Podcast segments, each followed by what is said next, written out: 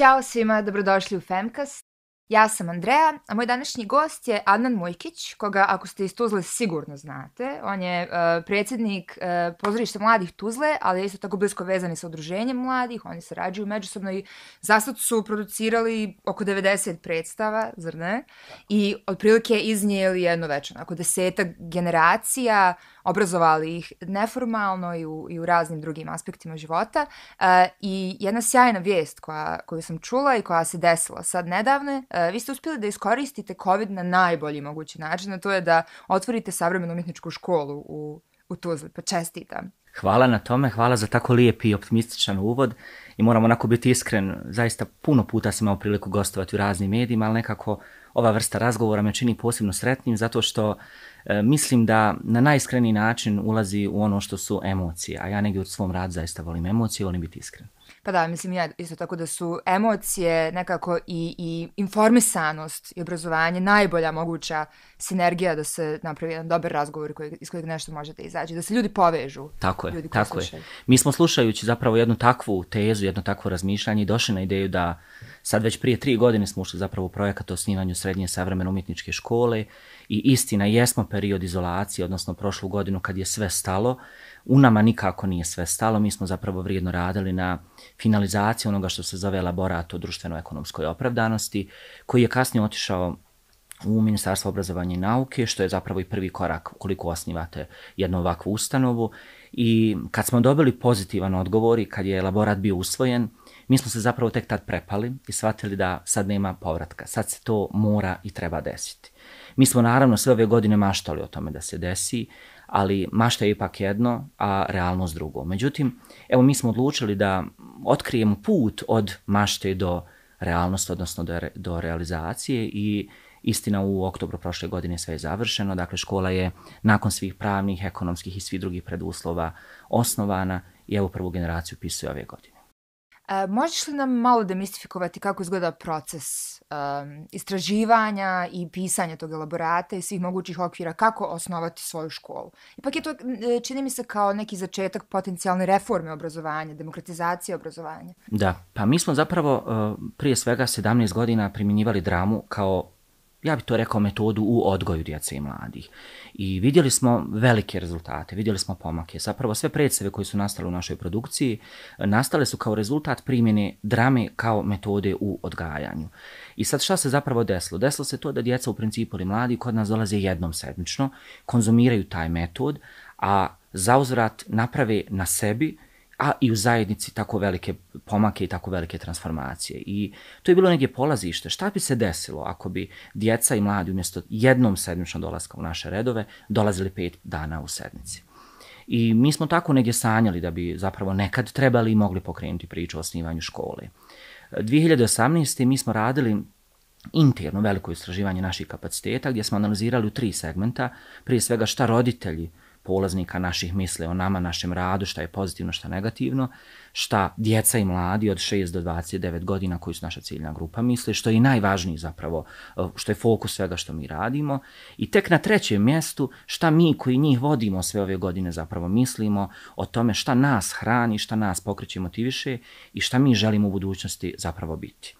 I kad smo dobili te rezultate, oni su prezentovani, onako sistematski su, statistički obrađeni, um, nesvjesno ali svjesno došla je ideja da bi ovaj model primjene drame kao metode odgajanja trebalo definitivno upotrijebiti kao metod u obrazovanju, jer na osnovu ovih pokazatelja pokazalo se da je tradicionalni način obrazovanja prilično zastario i prilično treba inovaciju ili inovativne pristupe.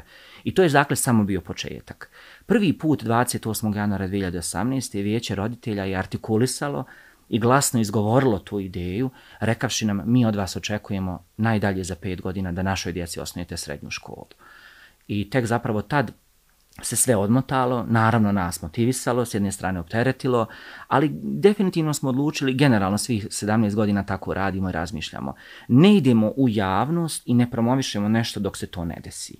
Tako da smo mi mnogo, mnogo toga radili što niko zapravo nije znao, čak ni sve strukture našeg udruženja ali pozorišta nisu poznavale, jer smo se plašali da ćemo ih opteretiti onim što je možda budućnost. Dakle, nismo smjeli obećati da će se to desiti, prije svega zato što smo svjesni gdje mi to zapravo živimo. E, šta smo mi radili? Mi smo obišli cijeli Tuzlanski kanton, anketirali smo osnovnih i srednjih škola, dakle deveti razred osnovnih škola kao završni osnovni i četvrti završni srednje škole. U poređenju onoga šta su osnovci rekli da bi htjeli od srednje škole i u poređenju onoga što su srednjoškolci rekli da nisu dobili kroz sadašnji sistem, mi smo zamaštali koncepciju naše škole. I naravno sad je to e, kako da kažem, metodološki e, pristup, ali iza toga stoji zaista puno e, usaglašavanja sa onim što su zakonski okviri, sa onim što su pedagoški standardi naše kantona, sa onim što je želja naša, mašta, s druge strane potreba, a s treće strane u sud će se biti dovoljno iskren, e, najveća potreba da ono što mi imamo kao iskustvo za 17 godina, mi sad pretočimo u potencijal za budućnost. I evo, po prvi put smo u regiji neko ko je uspio da dramu više ne primjenjuje samo kao metodu u odgoju, nego kao metodu u obrazovanju. E sad, to znači da će u opće obrazovnim predmetima koje smo mi preuzeli po gimnazijskom planu i programu, modifikovali, skratili, a kako smo došli do toga da ih trebamo skratiti, tako što smo analizirali kako izgledaju prijemni ispiti za fakultete. I sve što smo mišljenja da e, na fakultetima i na prijemnim ispitima se ne traži od srednjoškolca, mi smo iz srednjoškolskog obrazovnog sistema izbacili, a ubacili neke druge savremenije potrebe koje budućeg srednjoškolca u krajnosti osposobljavaju da živi tu, da razmišlja iz ovog vremena sa vremenom u skladu, zato nosimo naslov savremena, i da naravno bude koliko god je to možda pretenciozno sam svoje sudbine stvoritelj, odnosno da prepozna šta ima, šta treba zajednici, a šta on ili ona u budućnosti može tu pokrenuti. Da razjasnimo, e, znači e, postoje e, kao dvije grupe kurikuluma zapravo, to su ovi standardni gimnazijski društveni predmeti da, da. i pored toga ovi inovativni predmeti. Možete nam malo navesti par predmeta iz jedne i druge grupe čisto da, da ljudi konkretizuju Naravno. osjećaj? Naravno. Hvala na tom pitanju jer je negdje to zapravo i najbolji način da ljudi stvore sliku o tome šta mi to želimo. Opće obrazovni predmeti, kažem, oni su po gimnazijskom planu i programu našeg kantona, što znači da će srednjoškolci tokom četiri godine imati sve predmete, koji im osiguravaju ravnopravnost sa drugim srednjoškolcima pri izlasku na eksternu maturu. A čim izlaze na eksternu maturu ravnopravno sa drugim srednjim školama, oni dakle sa završenom ovakvom jednom školom mogu upisati bilo koji fakultet ili akademiju generalnu regiji. Što se tiče, eh, da kažem, naših autorskih, eh, autorskog rada, autorskog dijela predmeta koji mi zovemo stručni i umjetnički, to su predmeti koji su nastali isključivo i samo kao rezultat ove dvije ankete, odnosno komparacije stavova i, i mišljenja, iskustava i krajnosti rezultata. To, na primjer, znači da smo mi htjeli i morali smo mi smo prvobitno dobili od ministarstva mogućnost da u nekih 5-6 oblasti možemo školovati srednjoškolca, ali evo za prvu generaciju mi smo odabrali dvije oblasti. Jedna oblast je umjetničko zanimanje, izvedbeni animator, dramske umjetnosti i edukacije, dakle e, predmet istraživanja ili polje je primjenjeno pozorište i drama. Da bismo mi primijenjeno pozorište i dramu izučili, mi zapravo želimo sposobiti srednjoškolca da radi bilo koju profesiju u životu, ali da primjenjuje ono što su metode pozorišta, odnosno drame. A drugo zanimanje je više poduzetničko, više organizacijsko, produkcijsko, menadžersko, eh, ali je isključivo akcent na radu sa mladima, na toj nekoj vršnjačkoj edukaciji i to zvanje nosi omladinski lider. E sad, stručni umjetnički predmeti za jedno i drugo zanimanje su, na primjer, naravno elementi primjenjenog pozorišta i drame, savremene metode vođenja, dakle mi osposobljavamo srednjoškolce da jasno znaju prepoznati svoju ulogu kad su vođeni od strane nekoga drugog, a kad je na njima odgovornost da oni vode nekoga ili neke grupe. E, još naravno ima tu predmeta koji se odnosi na pisanje projekata, projekt management, na dikciju, govorništvo, prezentacijski. I financijski management što mi je bilo jako zanimljivo. Mislim da to u svim školama treba da se uvede. Pa na kraju, evo, mi smo, ja moram reći, ovaj pozitivno o, o, iznenađeni što roditelji koji dolaze nama na informativne razgovore zapravo su po najviše iznenađeni takvim razmišljanjem. Mi zaista želimo sposobiti srednjoškolca, ako ništa drugo, da danas sutra znaju napisati projekte, aplicirati na različite javne pozive raznih nivoa, dobiti novac, najvažnije od svega, potrošiti ga kako je to i planirano u skladu sa svim zakonskim. Zato mi imamo predmeti lobiranje, zagovaranje, izmjene zakona i tako dalje. Generalno, evo, nosimo ime savremeno umjetnička, ali da ne bude zabune, imamo jedno umjetničko zanimanje, jedno organizacijsko, ali je suština da koristimo umjetnost samo kao metodu pristupa ljudima, odnosno tržištu. A na koji način to funkcioniše? Mislim, ti radiš kao dramski odgajatelj, recimo tako, i reditelj, naravno, i producent, mislim, i, i glumački ovaj, um, trener, već godinama.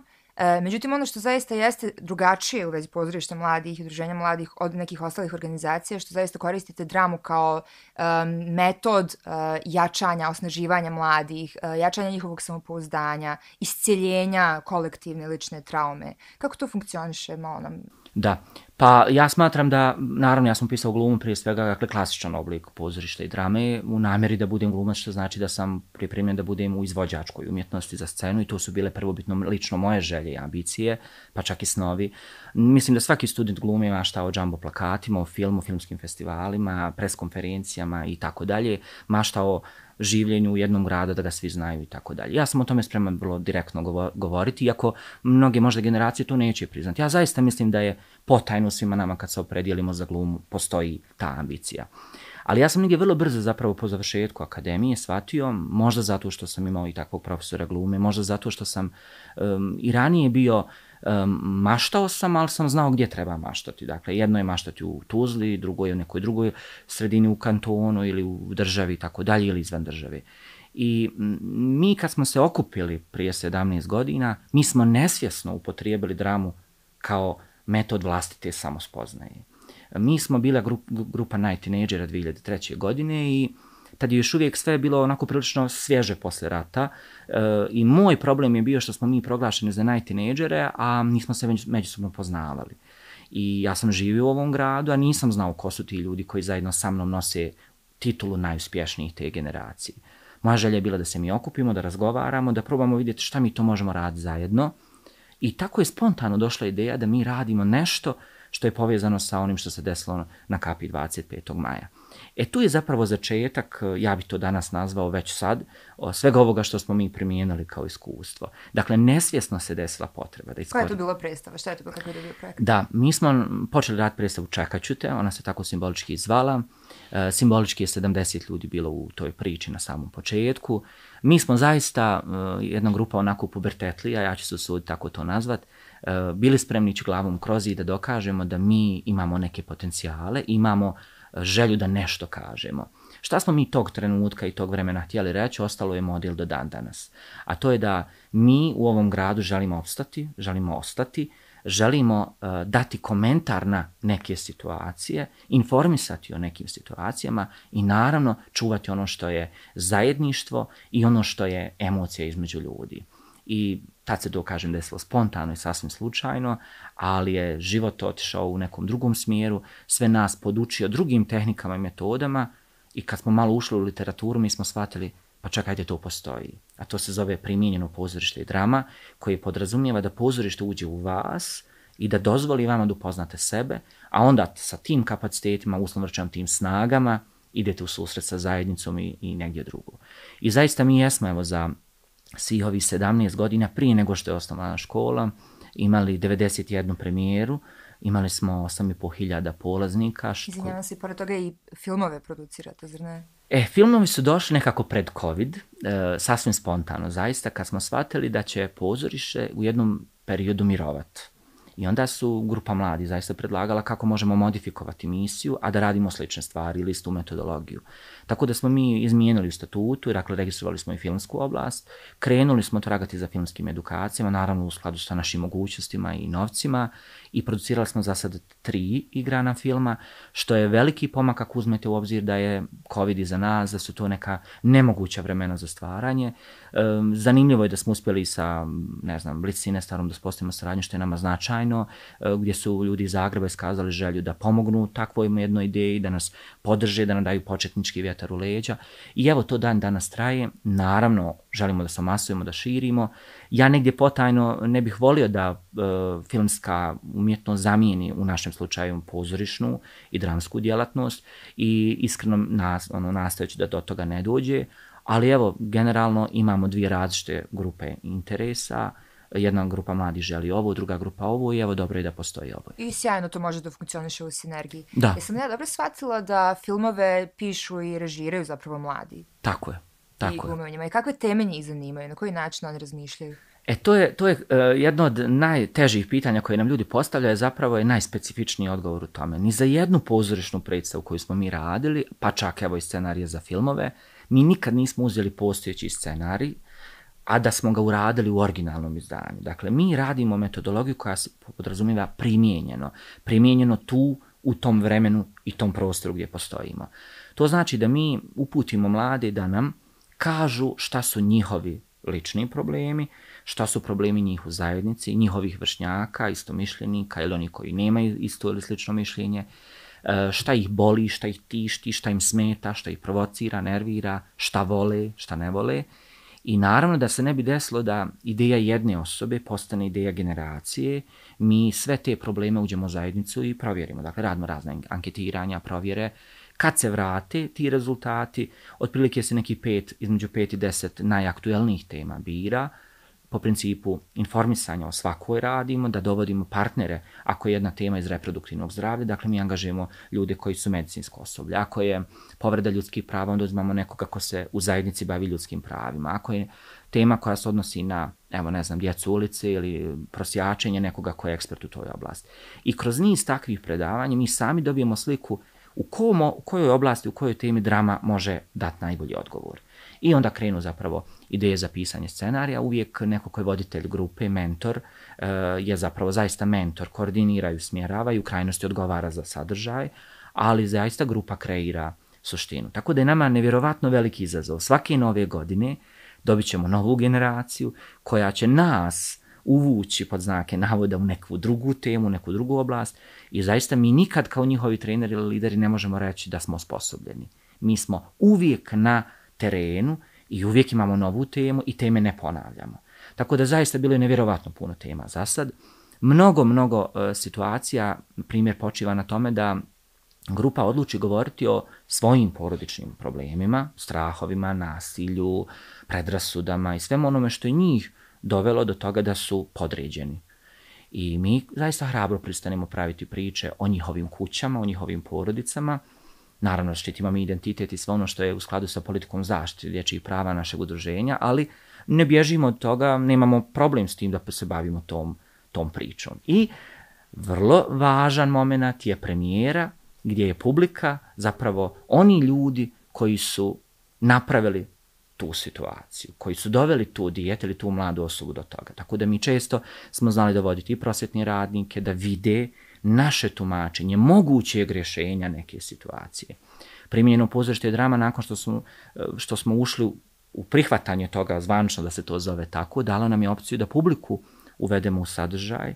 Imamo mnogo predstava gdje recimo radili smo predstavu o samopovređivanju što je bila uh, E, problem te grupe. U grupi su djeca to, dakle imala tu taj problem, tu potrebu i izgovorili su to glasno, čak su ispričali svoje priče zašto to radi. Mi smo toga kreirali scenarij, ali smo se odlučili da nismo mi dovoljno jaki da damo rješenje.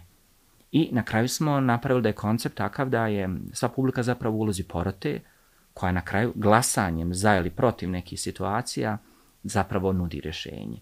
Eto, to su neki način kako mi zajednicu aktiviramo prije svega da vole pozorište i ne misle da je pozorište za neke specifične grupe, što mi evo, imamo osjećaj i potrebu da kažemo, mi imamo u 2019. 23.000 publike koja nikad prije toga nije bila ni na jednoj pozorišnoj predstavi. I mislimo da smo time, čini mi se, odgovorili na onu neku misiju koju smo sebi postavili. Da, mislim, dramska terapija se već godinama koristi kao terapeutski alat i kod ljudi sa ozbiljnim mentalnim oboljenjima, sa ozbiljnim traumama, PTSP-ima. Ja sam baš gledala neke filmove u Americi, rade ozbiljne, velike produkcije u kojima ljudi imaju čistilišta nakon određenih trauma u Afganistanu i tako dalje. I meni je također, kad sam gledala Kovadi Saida, ja sam imala taj moment um, katarze kroz dramu. Iako nisam bila tu, naravno, u Srebrenici na licu mjesta, ali ja sam čitav, čitav, e, čitav, čitavo iskustvo, opet mi se vraća, iskustvo gledanja tog filma, zaista osjećala tu katarzu i to ponovno proživljavanje, ponovno proživljavanje te traume, ali nakon toga sam se osjećala malo stabilnije emotivno u vezi te, te mračne, mračne prošlosti. Da, pa po meni psihodrama bi zaista svima mogla samo pomoći. Naravno, problem je kad vi kažete pozorište, ljudi imaju o tome mišljenje da moraju izaći pred drugi. I to je osnovni, e, kako da kažem, katanac koji ljudi nose prije nego što dozvole sebi da upoznaju. Mi stalno ponavljamo svima našim grupama koji dođu, nikad vas niko prva tri mjeseca neće prozvati. Sve je kolektivno, sve je posjećaj, sve je kad se vi oslobodite. To govorimo u početnoj fazi, recimo, na našeg dramskog studija. E, ja zaista mislim da psihodrama nas upozna sa nama samima i mislim da ima dvije mogućnosti. Jedno je da ukoliko neko nešto nije uradio ili mu se nije desilo, može djelovati preventivno. Jer, e, na primjer, mlađi uzrast od 6 do nekih 15-16 godina, mi zaista vidimo da drama njima je isključivo uh, prevencija za život, za nešto. Zašto? Zato što smo ih unaprijed stavili u sve moguće situacije koje njih čekaju i u pubertetu, i u kući, i u školi, i na ulici, i u kontaktu sa vršnjacima. I u razli identitete. Upravo. Najvažnije od svega e, u procesu prevencije je da svako dijete u našo, po našem radu uh, mora biti u koži i muškog i ženskog spola, odnosno i muškarca i žene, i svaki sadržaj se čita iz ugla kad bi ovo govorio ili govorila kad bi ovo uradio ili uradila, da je ona ili on šta bi bilo, šta se mijenja ako je ona ili on. E sad naravno, mi dobijemo djecu iz područja cijelotuzlanskog kantona, imamo djecu iz Brškog distrikta, djecu iz Vrnika, imali smo iz Karlovca djecu koja su dolazila jednom sedmično ovdje. I sad je nevjerovatno zanimljivo čuti tumačenja šta bi bilo da je on ili ona, ali u toj općini, u toj sredini, u tom gradu, u toj državi, u, u toj regiji, tom kantonu, kako god se to zvalo. I nevjerovatno je lijepo čuti kad oni međusobno razgovaraju i koju argumentaciju koriste da dokažu da je u Tuzli tako, a negdje drugo je onako ili ovako. E, dakle, zato mislim da je naša metodologija do nekih 15 ili 16 godina zaista prevencija. Već od 15 ili 16 godine, e, ovo je slobodna procjena godina i uzrasta, mi vidimo da je drama sredstvo rehabilitacije. Dakle, tu više nema pri, prilike za prevenciju. Nažalost, tu su već svi koji nama dođu, došli, uh, svjesno ili nesvjesno, zato što im ovo treba, zato što su pa već u procesu da im treba neka vrsta pomoći, ali s druge strane to nas jača. Jer e, ja negdje već ulazak u, u grupu, u rad, već nesvjesno nosim potrebu da detektujem poteškoću ili deficit ili problem ili nedostatak, jer to mi je izazov i to je razlog zašto smo tu. Ako je sve u redu, plašim se da ćemo onda stvoriti samo umjetnost. Pazite, ja koji sam glumac kažem samo umjetnost. Zato smo mi pozorištem mladi Tuzle, ali smo definitivno proces do finalizacije, odnosno do pozorišnog čina, To nam je suština zašto postojimo, a već evo godinama mi nastavimo da i onaj finalni rezultat naravno bude na određenom umjetničkom nivou, jer onda ako to nije tako, zašto smo se mi školovali, studirali? Pa to je zaista ideja koja treba da se širi, treba da se uživa u svakom procesu, ne samo u rezultatu. Mislim, to je isto kad izlaziš da igraš utakmicu. Ako ti ne uživaš u tome, ako ti samo gledaš na tablu kad će to da završi i koji će rezultat da bude, onda to stvarno nema smisla. I mislim, školama u tom smislu treba škola. Meni se čini da je zaista potrebna neka reforma ljudi koji rade u obrazovanju da bi skinuli malo fokus sa finalne ocjene i sa tog nekog finalnog rezultata i da bi zaista ljudi naučili da je život proces. Upravo, bravo. Da bi, mislim, mladi ljudi naučili da je Evo, mi, mi zaista radimo na tome i mislim, hvala ti što to tako prepoznaješ i detektuješ, jer e, teško je i putem medija ili na bilo koji način, putem bilo koje brošure ili bilo čega promotivnog klipa objasniti ovu suštinu. Ali mi zaista živimo zbog te suštine i nama procesi jesu definisani rokovima, datumima, s obzirom da imaju proces ocjenjivanja, e, praćenja, monitoringa, pa i u krajnosti... Naravno, naravno, mladima da. trebaju i određene granice. Rokovi, naravno, rokovi, da... rokovi. I evo, ako, ako dozvoliš to što spomenula granice, mislim da najveći izazov zadnje dvije godine mi upravo imamo u radu sa generacijama koje ne znaju šta su to granice, sve granice ili pravila koja im neko drugi postavi e, ne vjeruju im, nisu dakle te granice objašnjene zašto postoje i u prirodi djeteta ili mlade osobe je buntovničko neko raspoloženje i ne prihvataju ih, imamo baš onako jedan disbalans, ali s druge strane ako zarovimo u njih i probamo da oni postave svoje vlastite granice, imamo velike poteškoće. Znate, strašno je kad vam djete od 6 godina dođe u dramski studij, izađe na scenu i mi imamo neke jednostavne vježbice da nešto urade, a da ostatak dječice ili grupe pogađa koje je to zanimanje. Mi na taj način vodimo svijet zanimanja taj uzrast. I znate, kad vam dijete 15 ili 20 minuta u savršenoj jasnoj koncentraciji radi nešto, A mi niko ne možemo prepoznat, diagnosticirati šta bi moglo biti. Sa svim ovim, pazite, iskustvom, evo 8,5 hiljada rada sa različitim ljudima. I niko ne može. I sad naravno vršnjaci, djeca pogađaju šta bi moglo, šta bi ovo. Mi svi slušamo, mi koordiniramo, mentorišemo, mi smo u panici jer ne znamo ni mi. A gdje ćete vi danas nešto ne znati jer vi gubite autoritet? I posle jedno tako desetak minuta pogađanja, raznih igara, angažmana, kolektivnog nekog ludila i želje da pogodimo, to dijete nam onako vrlo direktno sedim, ovako nas parkira tamo negdje sa tim c i kaže, kako ne znate? Pa eksumator grobnica. I znate, kad nam to dijete od šest godina tako nešto kaže, uh, wow. vrijeme stani. Uh, smisao života postane potpuno drugačije. Koje je pozorište, koja gluma, koja igra više.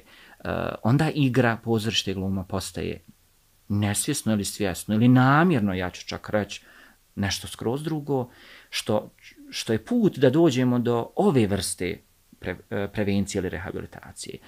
Ili... Mislim, nije mi to ništa iznenađujuće, s obzirom da su eksumacije na televiziji svaki dan, skoro već 25 godina, da. normalizovalo se i u neku ruku to je, to je okej. Okay. Meni je fascinantno što, što djete ima tu, da. tu vrstu širine da razumije to. I negdje u takvoj situaciji potrebno, naravno, onda koordinacija i komunikacija sa roditeljima, E, zato kažem da je danas eh, ovaj model nije više rad samo sa polaznicima, što je nama drago. Mi imamo roditelje koji su tražili, evo prošle godine, i mi smo upravo u pripremi tog načina rada da postoji dramski studio za odrasle, što znači da mi omogućimo ulazak ovog modela u svijest ili u glavu odrasle osobe i obrnuto odraslih u svijet pozorišta. Naravno, tu moram povući jasnu crtu, to nije amatersko bavljenje pozorištem, u smislu da će odrasli producirati amaterske predstave, nego su to upravo radionice, pa ako treba i psihodrame, koji će zapravo pomoći svima nama da se relaksiramo od onoga što je svakodnevni život, a složit ćemo se da danas živimo prilično brzo.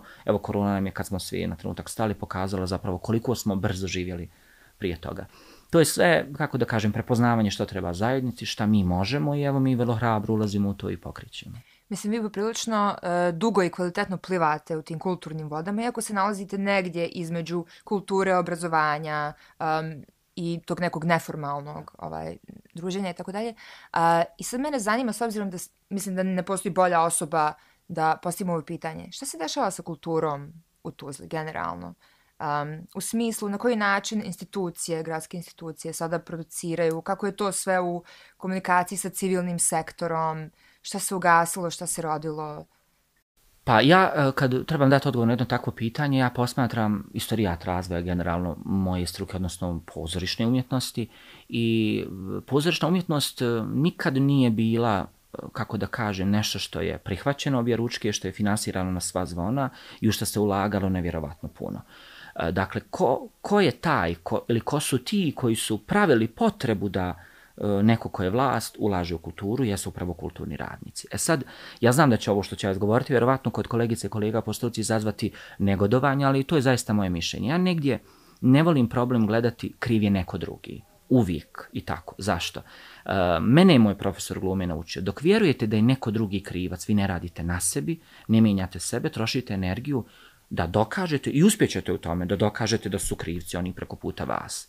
Kad samo pomislite šta ja radim, šta ja mogu ili šta ja ne radim i, i, i do čega meni nije stalo, e, stvari zaista dobiju drugi ugao posmatranja. Mislim da je istina na pola puta. Šta želim reći? Ja zaista mislim da je važno da mi u kulturi i evo u pozorišnoj umjetnosti u ovoj regiji, u, ovom ze, u ovoj zemlji, u ovom gradu, u ovom kantonu, prije svega e, komuniciramo. To je nešto što smo mi prestali raditi. Pojavilo se individualizam koji je suprotnost smislu pozorišta. Pozorište je kolektivističko stvaranje, kolektivni čin, razgovor. Pa, znate, ne moramo mi uvijek uvažavati mišljenje, ali moramo ga čuti. Mi se ne slušamo, mi ne, ne, ne, ne stvaramo prilike da smo na jednom mjestu, da razgovaramo, da razmjenjujemo mišljenja. E, jako veliki problem je bio u jednom trenutku. Zatim imamo školu, ili škole koje obrazuju buduće umjetnike, imamo samo jedno pozorište koje po logici svi stvari ne može ugostiti sve ljude koji završe konkretno na našem univerzitetu, našu akademiju, a, a dok je to i moglo, određene kako da kažem, nedostaci u komunikaciji su postojali. Sad kad to više nije tako, hvala Bogu da je to tako, sad je već, čini mi se, prilično kasno da mijenjamo ono što smo trebali mijenjati prije deset godina. E, mislim da s druge strane, pored toga što mi ne odgajamo kolektivno stvaranje, što ne razgovaramo, što se ne podržavamo, mi s druge strane ne stvaramo sadržaje koji hoće današnja publika. Ja smatram da jedno, jedan grad, jedan teren, jedna zajednica, koji god to grad bio, u ovom trenutku ako želi da ostane pozorište, moramo imati repertoar za sve. Dakle, mi ne smijemo izignorisati potrebe djece, jer to je sutra za koju godinu zapravo publika. Mi ne smijemo raditi samo predstave koje su pod znake navoda za odrasle, s druge strane mi ne smijemo raditi samo eksperimentalno pozorište. Da eksperimentalno pozorište je dobrodošlo i želimo ga i treba biti jedna ili dvije predstave na repertoaru, ali gdje je klasika? Kad smo mi imali priliku ulagati novac u, u klasičnu neku postavku? Kad smo vidjeli spektakl kostima na sceni i tako dalje? To je sve što publika različita želi i hoće. I ako budemo razmišljali da li mi želimo publiku koja je prije deset godina bila publika, zadržati, a ne stvarati nove, plašim se da smo sami sebi presudili. Mislim da se dešava jedno neozbiljno strateško planiranje generalno na e, produkcijskom planu. E, Covid nam je svima potvrdio e, koliko smo svi siromašni ako se udaljimo i koliko smo nemoćni, koliko svi kapacitete svijeta koje pojedinac ima čini mi se da su uzalud evo ja negdje zaista propagiram taj kolektivistički čin, u krajnosti na svom radu i u svom razmišljanju o struci potvrđujem da samo tako može tako bi trebalo. E, negdje mislim da je važno novi marketiški pristupi ka publici. Mislim da je važno uh, evaluacija također. Praćenje. Ko je to bio? Zašto nije bio?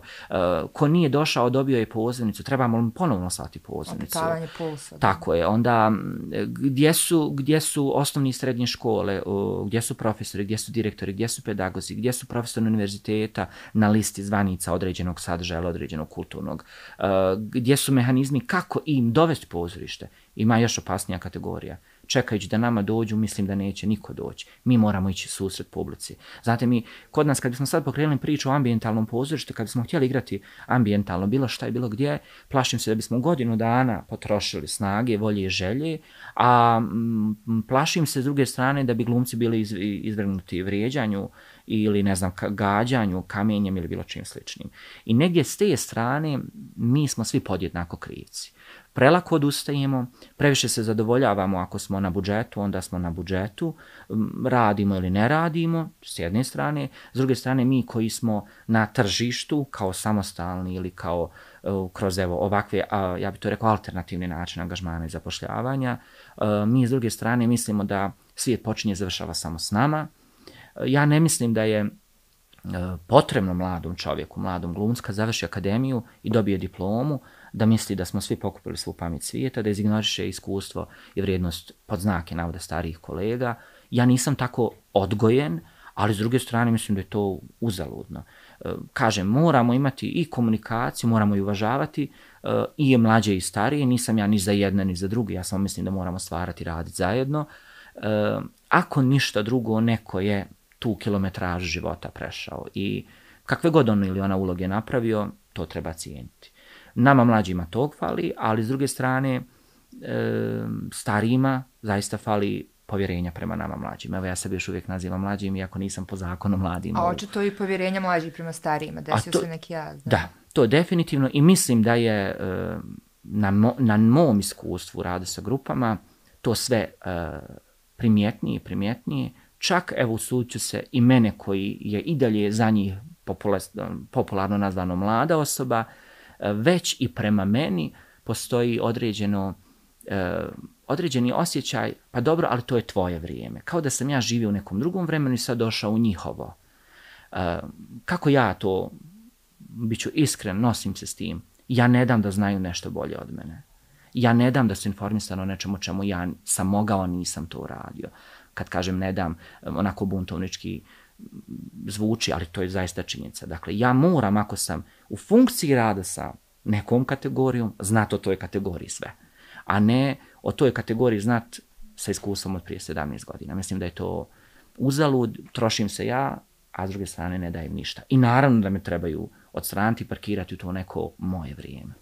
Mislim da je ključna riječ današnjeg vremena inter, intergeneracijski, interdisciplinarno. Zaista moramo sa svih strana da, da pokupimo stvar da bi se ona kao što ti kažeš, fokusirala, ti ako si fokusiran na rad s mladima i očekuje se da ti znaš sve o tome da. i da učiš svoji grešaka i svoji propusti, da ne vidiš kritiku kao uh, udar na ego, nego kao priliku da i ti napreduješ zajedno s njima. Da. Problem je, evo, kad komentarišemo, na primjer, evo, ja sam sad trenutno i, i u radu sa studentima kao stručnjak iz praksa, naravno spoljni saradnik angažovan, evo i radu sa mladim. Da, da, našoj akademiji ovdje u Tuzli. E, malo nam fali svima da komentarišemo druge po principu plus minus plus. Dakle, da ne lovimo odmah grešku, ne vidimo odmah negativno. Jer e, nekako stvara se osjećaj da smo, čim ulovimo negativno, sebe stavljamo da smo iznad, da smo pametniji i da bolje vidimo. Istina, uvijek mi iz ove vizure publike bolje vidimo, ali ne znači da znamo bolje u rad kad smo tamo. Tako da ja negdje u radu sa ljudima insistiram na tom principu plus minus plus, dakle uočimo pozitivno, naravno nešto što je negativno, ali za toga odmah stoji alternativno rješenje šta bi moglo biti kao ponuđena opcija da bude plus.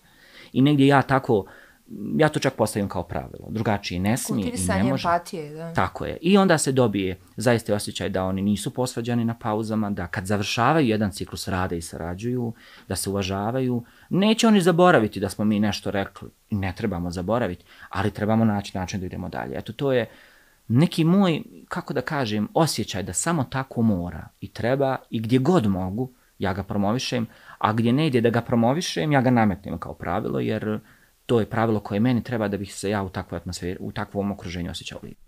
Ma da, mislim, grozno je uh, diskvalifikovati sve te soft vještine kao što su empatija, kao što su samopouzdanje, komunikacija i tako dalje i tako dalje. I s obzirom na to da su to neki od predmeta u savremenoj umjetničkoj školi, kako ti vidiš buduće uh, maturante, učenike iz te škole da poboljšavaju situaciju generalno u, u, na kulturnoj sceni, ali i akademskoj sceni i sve ovo što smo pričali za njih desetak minuta? Ja negdje mislim da će biti dvije kategorije učenika i tako bi trebalo i ostati u, u našem radu. Jedna kategorija kojima ovo treba biti škola, samo da oni spoznaju sebe.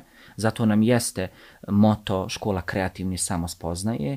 Nekom će to biti škola kreativni spoznaje života, ljudi, prostora, načina rada sa ljudima, a nekom će to biti princip vlastite, neke interni, intimni samospoznaje. Zato smo to samo stavili u zagrad da neko bira ovo ili ono. Uh, Eh, dakle, mislim da će s jedne, s jedne strane biti kategorija učenika kojima ova škola treba da ojača njih same, da ih približi njima, da zavole sebe, svoje tijelo, sebe u prostoru, sebe u vremenu, nauče živjeti sa svim eh, iskustvom dotadašnjeg života koji je možda može biti naporno, teško, traumatično ili tako dalje. A s druge strane, bit će kategorija učenika koja će, uslovno rečeno, doći da se ne moramo toliko puno baviti tim, nego će trebati odmah da ih osposobljavamo za izlazak u zajednicu. E, princip rada da je prva godina 3 plus 2, dakle 3 dana je teorijska nastava, 2 praktično, a kako se bližimo kraju, taj pro, odnos će se promijeniti, dakle pretvorit će se u 3 praktično, 2 teorijski. Negdje do, dovoljno govori o našoj želji da mi njih u prvom razredu ostavimo zatvoren pod znake navoda u prostor školski, usmjereni jedni na druge, roditelji na njih, nas na roditelje i tako dalje. Dakle, mi smo jedan tim unutra, kuća u kojoj mi radimo, a onda ćemo u tu kuću dozvoliti ulazak zajednice i izlazak nas u zajednicu. Drugi, treći, četvrti razred, oni na kraju rade svoje praktične ispitne projekte i društveno korisne projekte i produkcijske i umjetničke i pozorišne predstave i zapravo oblasti koje oni odaberu. Maturski rad će njima izgledati zapravo zajednički, E, omladinski lider će osnivati svoje omladinsku organizaciju, odnosno omladinsko udruženje u kojem će svi ostati, nadamo se, a izvedbeni animatori će kreirati umjetnički sadržaj za čin svečanog otvaranja tog udruženja, za koji će lideri to zapravo sve organizovati. Šta smo time postigli? Postigli smo da sarađuju, da se uvažavaju, da se pronađu, da se koriguju, da ispitaju, a najvažnije od svega teme za koje će oni kreirati projekte moraju biti zajednice odakle dolaze. Mi smo zaista sretni što imamo djecu uh, sa svih strana kantona koji su Martu na predrok. Dakle, mi smo Martu imali predrok i upisali prvih 13 učenika bez ikakve namjere da zvučim pogrešno, nama sasvim i dovoljni, jer mi želimo da individualno radimo, da oni budu naše ogledalo, misije, naše i, i metoda rada ali nam je drago da imamo djeca s područja cijelog kantona i da će oni praktičnu nastavu realizovati u tim sredinama odakle dolaze. Tako da, ako su iz općine X ili grada, oni će se vratiti u trećem razredu i praktičnu nastavu u tom domu kulture, u tom centru za kulturu ili u toj zajednici, u tom okruženju, u okviru nekog udruženja ili organizacije realizovati, a naravno da će pisati projekte da pod znake navoda u žargonu napadaju fondove i grantove te općine ili tog grada koji bi su finansirali te aktivnosti ili te njihove projekte. Moram samo da raščitim, ovaj, da li se, iako je suvremena umjetnička škola privatna, da li se ona plaća? Da. Mi smo morali proći u procesu snimanja apsolutno istu proceduru kao da osnivamo javnu ustanovu, osim samog kraja, koji se odlučuje da li mi želimo biti privatna ili javna. Mi smo se odlučili za opciju privatna samo iz jednog razloga, bez e, namjere da me kolekcije ili kolege iz struke obrazovne shvate pogrešno. Ove metode i ovakav sistem ne može implementirati niko drugi koga nije za sanju, nije vrijedno radio, nije razvio i nije, kako da kažem, sebe pripremao da će to danas sutra implementirati učenicima. Nama je problem što ćemo sad imati ljude iz svijeta medija, iz svijeta ekonomije, prava, medicine i tako dalje, koji su, dakle, u toj struci, najvažniji ljudi znaju raditi taj posao, zato su se školovali.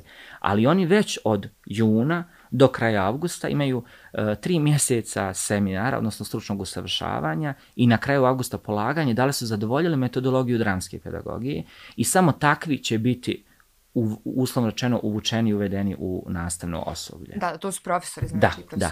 E sad, e, naše osoblje taj put mora proći i moram biti iskren, rijetki su oni koji su i ekonomisti i, i novinari, evo i medicinari i tako dalje, a koji žele učiti ovo i primijeniti a pazite na svom osnovnom zanimanju ili struci. E sad, taj put nama je preduslov da mi znamo šta hoćemo i znamo ga mi realizovati i napraviti i to će biti princip razmišljanja. Privatna e, ustanova jeste i naravno da mi imamo troškove od prostornih sa ugovorima s kojim smo sklopili do naravno ljudi koji ćemo angažovati.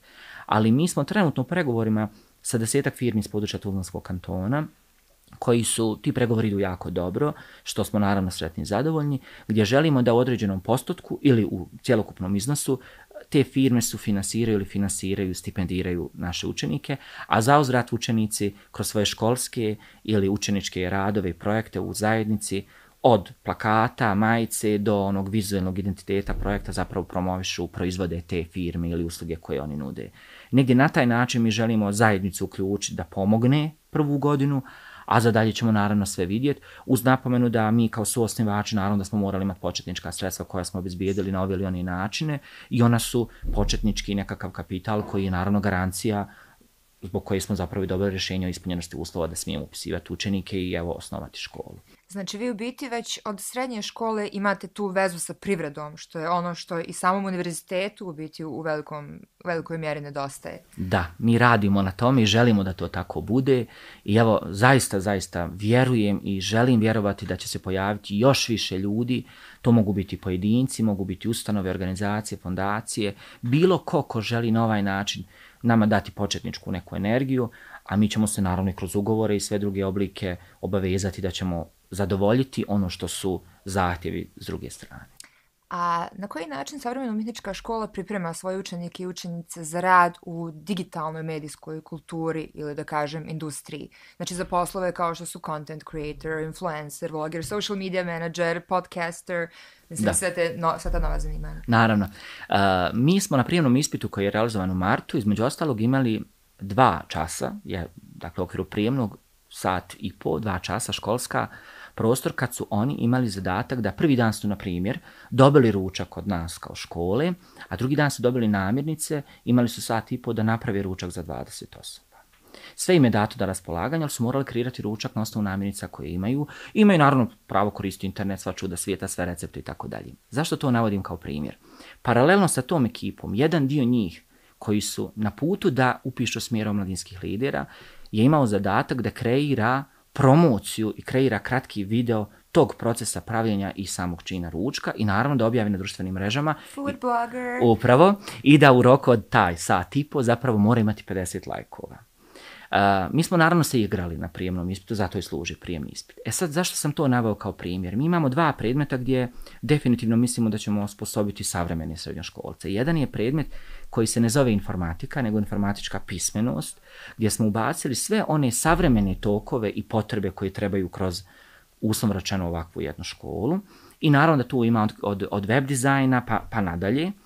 A s druge strane imamo predmet engleski jezik koji paralelno sa svim osnovnim po zakonu zagarantovanim modulima koji se moraju raditi, mi paralelno s tim uvijek imamo jezik u struci, jezik u struci, jezik u struci.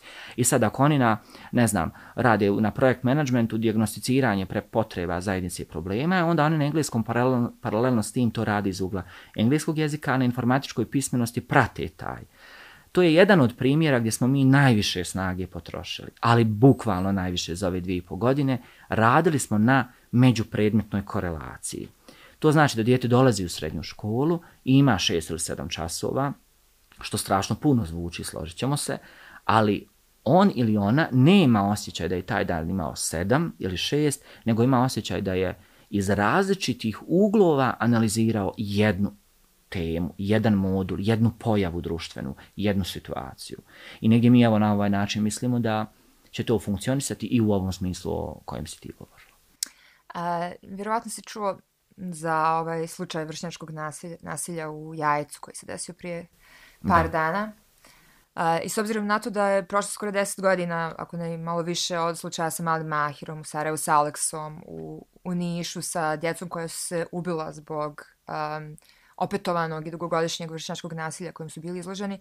I sad ovo što se dešava, poprilično je jasno da, da se ništa nije promijenilo, da je školski sistem otprilike ponovo zakazao.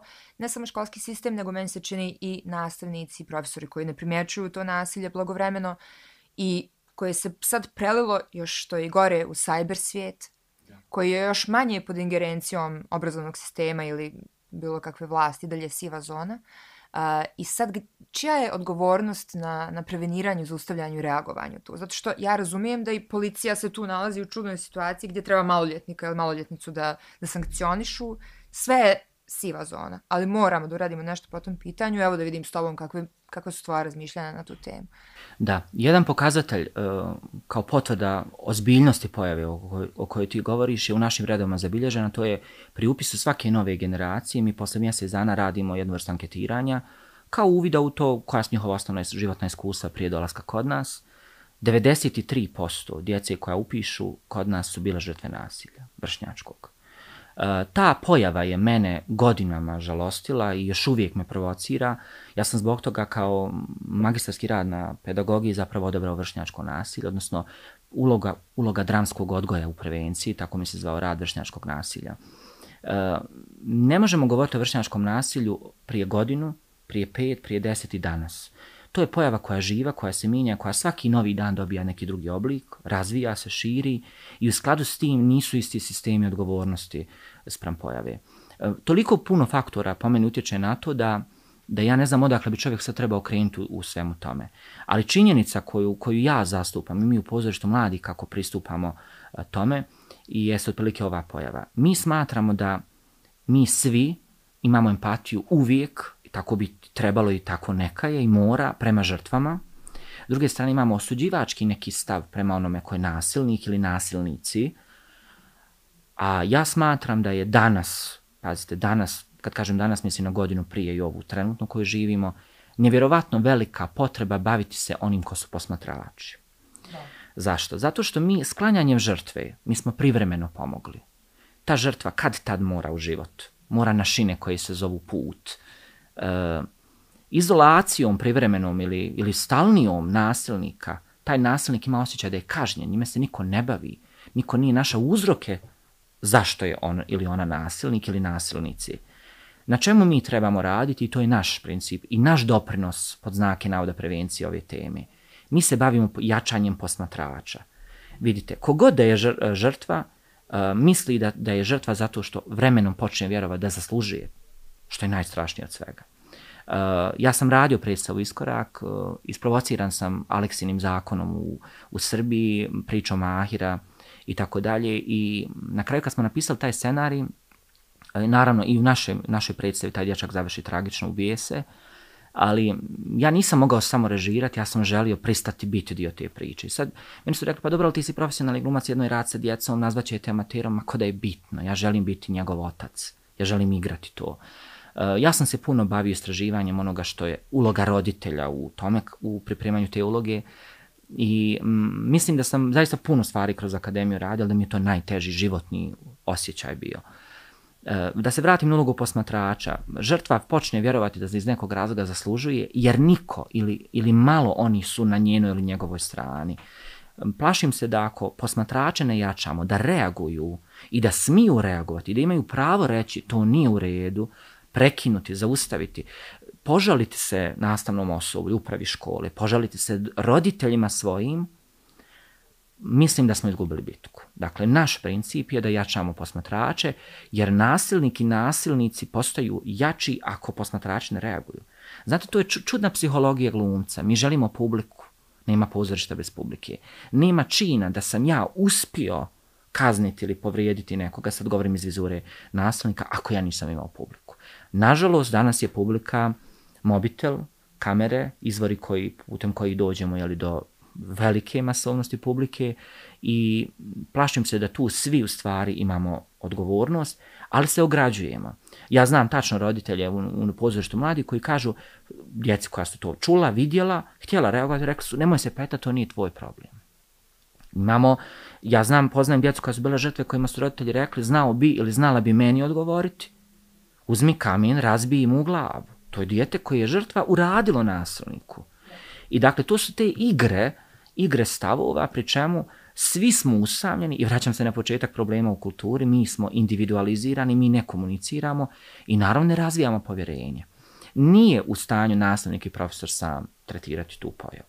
Upravo škole najmanje, zato što su uprave škole danas, pa evo i mi kao organizacije nevladne, toliko opterećene administracijom da jedva se stignemo baviti čovjekom, koji je suština zbog kojeg mi postojimo, I hoću reći da roditelji koji su zauzeti, e, život je nevjerovatno težak, frka je za snalaženjem novca, za preživljavanjem, svi smo u svojoj prvoj ulozi, a zaboravljamo da imamo i ovu obavezu. I onda krene ono što je specifičnost Balkana, to je prebacivanje krivice, optužbe drugog, drugačijeg, kako bismo oprali po znake navoda sebe i onda smo mi u stvari u jednom problemu koji rezultira takvim snimcima. Evo, ja ne znam koliko mi doprinosimo, želim vjerovati da, da radimo na tome, ali mi sigurno smo odlučili, nismo udruženje ili kuća koja može skloniti žrtvu, koja može disciplinski tretirati nasilnika, ali možemo raditi na jačanju samopouzdanja i spremnosti na reagovanje svih onih koji su posmatrači, oni su ipak najmasovniji. Istina je da su posmatrači tu jedna ključna, ključna grupa ljudi i pogotovo je jezivo u tom snimku to koliko klinci navijaju da. za taj kult agresivne, nasilne osobe. I meni se čini da i roditelji donekle stanu iza, iza te agresivne nasilne osobe ili da stvaraju pretpostavke da se, to, da se razvija taj sociopatski moment. Imamo redove sociopata, bivših bulija koji, koji hodaju gradovima. Da li si ti imao taj primjer, naravno potpuno anonimno, ali da u svojim redovima u pozorištu i u udruženju vidiš dijete koje ima taj sociopatski moment i koje kultiviše tu, tu agresiju i nasilnost kao ideal? Um, Često često. Čak u... I šta uraditi u tom slučaju? Uh, to je proces koji traje i istina nekad završi onako kako smo mi zamislili, nekad završi pa kako su roditelji mišljenja da treba završiti i mi to prihvatamo i razumijemo, ali opet kažem, mi unutar svake grupe sigurno imamo po jedno takvo dijete.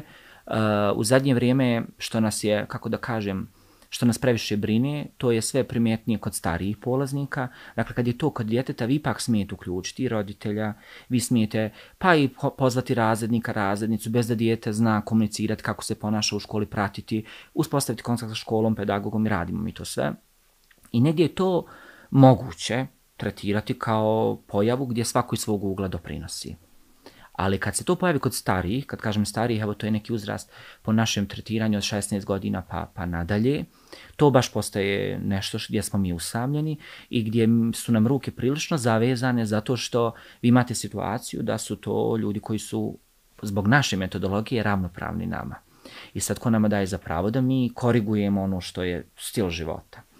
E, teško je to, ali mi obično to radimo na način da otkrijemo gdje su uzroci koji dovode do toga. Nemamo mi baš često saradnju naših polaznika po tom pitanju, to se krije, to se nosi, pa čak se to i pretvara da se kultivisalo, da se e, urban, urbano ponašamo i tako dalje, ali mi vidimo da je to laž, da je to samo u okviru naših redova, jer tu su, ako ništa drugo, pravila tako, zbog kojih ne smiju, ali saznamo mi šta radi van zapravo tih prostorija. Kažem, i mi radimo na tome kako tretirati starije polaznike, ali negdje mislim da je evo sad ako ću se usuditi, opet će mi vjerovatno mnogi zamjeriti, ali ja moram reći istinu, kako je ja vidim. E, zaboravili smo da su nam škole odgojno-obrazovne ustanove. Ja ne se ne slažem da je srednja škola obrazovno-odgojna ustanova. Mislim da prefiks e, odgojno-obrazovna u osnovnoj mora ostati odgojno-obrazovna i u srednjoj, jer još uvijek nije kasno Uzalud nam je sav obrazovni sistem, sve informacije, vladanje strukom, znanjem, zanatom, vještinama, ako mi nemamo odgojnu komponentu. Odgoj je čudo i ja mislim da i osnovne i srednje škole moraju ostati odgojno obrazovni. Čak što mene u zadnje vrijeme provocira onako intimno i privatno, nisam mišljenja i da je na visokoškolskoj ustanovi e, potrebno tretirati samo kao obrazovno. Znate, mora i tu biti odgojnog. Ako student kasni, zašto kasni? Mora da mi odgovori. Šta pa ne, mislim, to, nije njego, to je kao njegova stvar. Dobro, ali šta je moja stvar ako njega nema? Kako ću ja napraviti nešto? Kako ćemo stići neki plan i program? Kako ćemo ispoštovati neka pravila, neki zakon i u krajnosti? Kako će taj čovjek danas sutra biti uspješan stručnjak oblasti za koju je odabrao? Dakle, ja negdje mislim da i u visokoškolskom trebamo imati dozvolu da ulazimo, makar u prvom nekom periodu u odgojni, jer mislim da nikad nije kasno za korekciju. Problem sa uh, vršnjačkim nasiljem od strane srednjoškolaca, kad se on pojavljuje, zato što smo prestali baviti se odgajanjem. Pa, znate, Bavljenje, ključna riječ. Baviti se time. Uh, pa čak i roditelji, što ja naravno razumijem. Dijete je vizualno drugačije, dijete je vizualno jače, snažnije, slobodnije, odraslije. I mi mislimo da je to to. Mi smo svoju ulogu prilično ovu vrstu uloge završili. To je varka, to je najveći problem. Nama je najteže raditi trenutno sa grupom srednjeg uzrasta, to su osmi, deveti i prvi srednji. To su grupe koje kolegice i kolege kad trebamo dijeliti ko će ih voditi, pa vjerujte tu ima i suza i, i što ja, zašto ja. Pa onda, Papir, kamen, Pa onda kao opet kaznali ste mene. Vidite, mi smo kao lideri koji volimo definitivno. Počelo doživljavati da je kazna ako mi moramo voditi taj uzrast. Naravno, malo se šalim, ali kazna u smislu koliko je Zatim. teško. Da, mislim, sam si ušetao u moje posljednje pitanje, a to je uh, što misliš, na koji način bi uh, autorski segment savremene umjetničke škole mogao da oplemeni druge škole, fakultete, osnovne, srednje, evo za početak u TK, pa... Da. Pa da mi... se to moglo integrisati? Mi se za početak nudimo svim osnovnim srednjim školama, naravno sve u skladu sa zakonom, što će vjerovatno u budućnosti biti jedna od stvari koje ćemo mi predlagati Ministarstvo obrazovanja, da eksperimentalno uvede po jedan predmet, makar kao izborni, u škole koje to žele i hoće, uz napomenu da se oni mora implementirati po metodama drame, primjenjenoj drame, primjenjenog pozorišta i dramske pedagogije, a ne da se modifikuju spram trenutnih metoda koje postoje u srednjim školama. Ja na ovaj način, molim vas, ne želim izazvati bunt, iako ću ga izazvati, ja nisam mišljen da tradicionalno je potpuno izignorisat potrebno. Apsolutno ne. Škola je škola, ustanova je ustanova, obrazovanje je obrazovanje. Ono mora počivati na temeljima, ali ne možemo robovati moram reći, sistemima od prije 30 godina ili 20 ili 50 čak, po pitanju literature, po pitanju metoda i po pitanju klasičnog autoriteta nastavno osoblje učenik. Tako da mi ćemo raditi na tome, to je već jedna od vizija naše škole, da ponudimo jedan od predmeta, dakle da svaka škola odabere jedan, isključivo kao izborni, isključivo u našoj organizaciji, našem trošku, bez ikakvih opterećenja bilo koga, samo da vidimo nakon jedne školske godine kroz evaluacije i praćenje šta su ishodi koji su pomogli, vjerujemo, tu školu, tog učenika, tu generaciju ili u krajnosti obrazovni sistem naše kantona. Hvala ti puno, Adana, i zaista vam želim sretan put, uh, obrazovni put ka, ka nekoj novoj generaciji i, i obrazovnog sistema i kurikuluma, ali i učenika i tog mekanog momenta empatije, komunikacije, da se malo to sve uh, modernizuje, jer zaista je potrebno. Hvala, hvala, hvala na tome kako si to nazvala. Ovo je put, a na putu ćemo se sretati. Hvala na tome. Kako ne? Držim na vama budno oko, baš me zanima kako će to sve da izgleda. Hvala. Kroz 5-10 generacija i šta Za- će ti ljudi sve da urade. Za početak kroz prvu tek, a to je ovako. Dobro, ja sam malo idealistkinja. Hvala ti puno na ovom Hvala. razgovoru. Hvala. Dragi slušalci, gledalci, slušateljice i gledateljice, ovo je bio još jedan Femcast, a mi se vidimo uskoro. Ćao!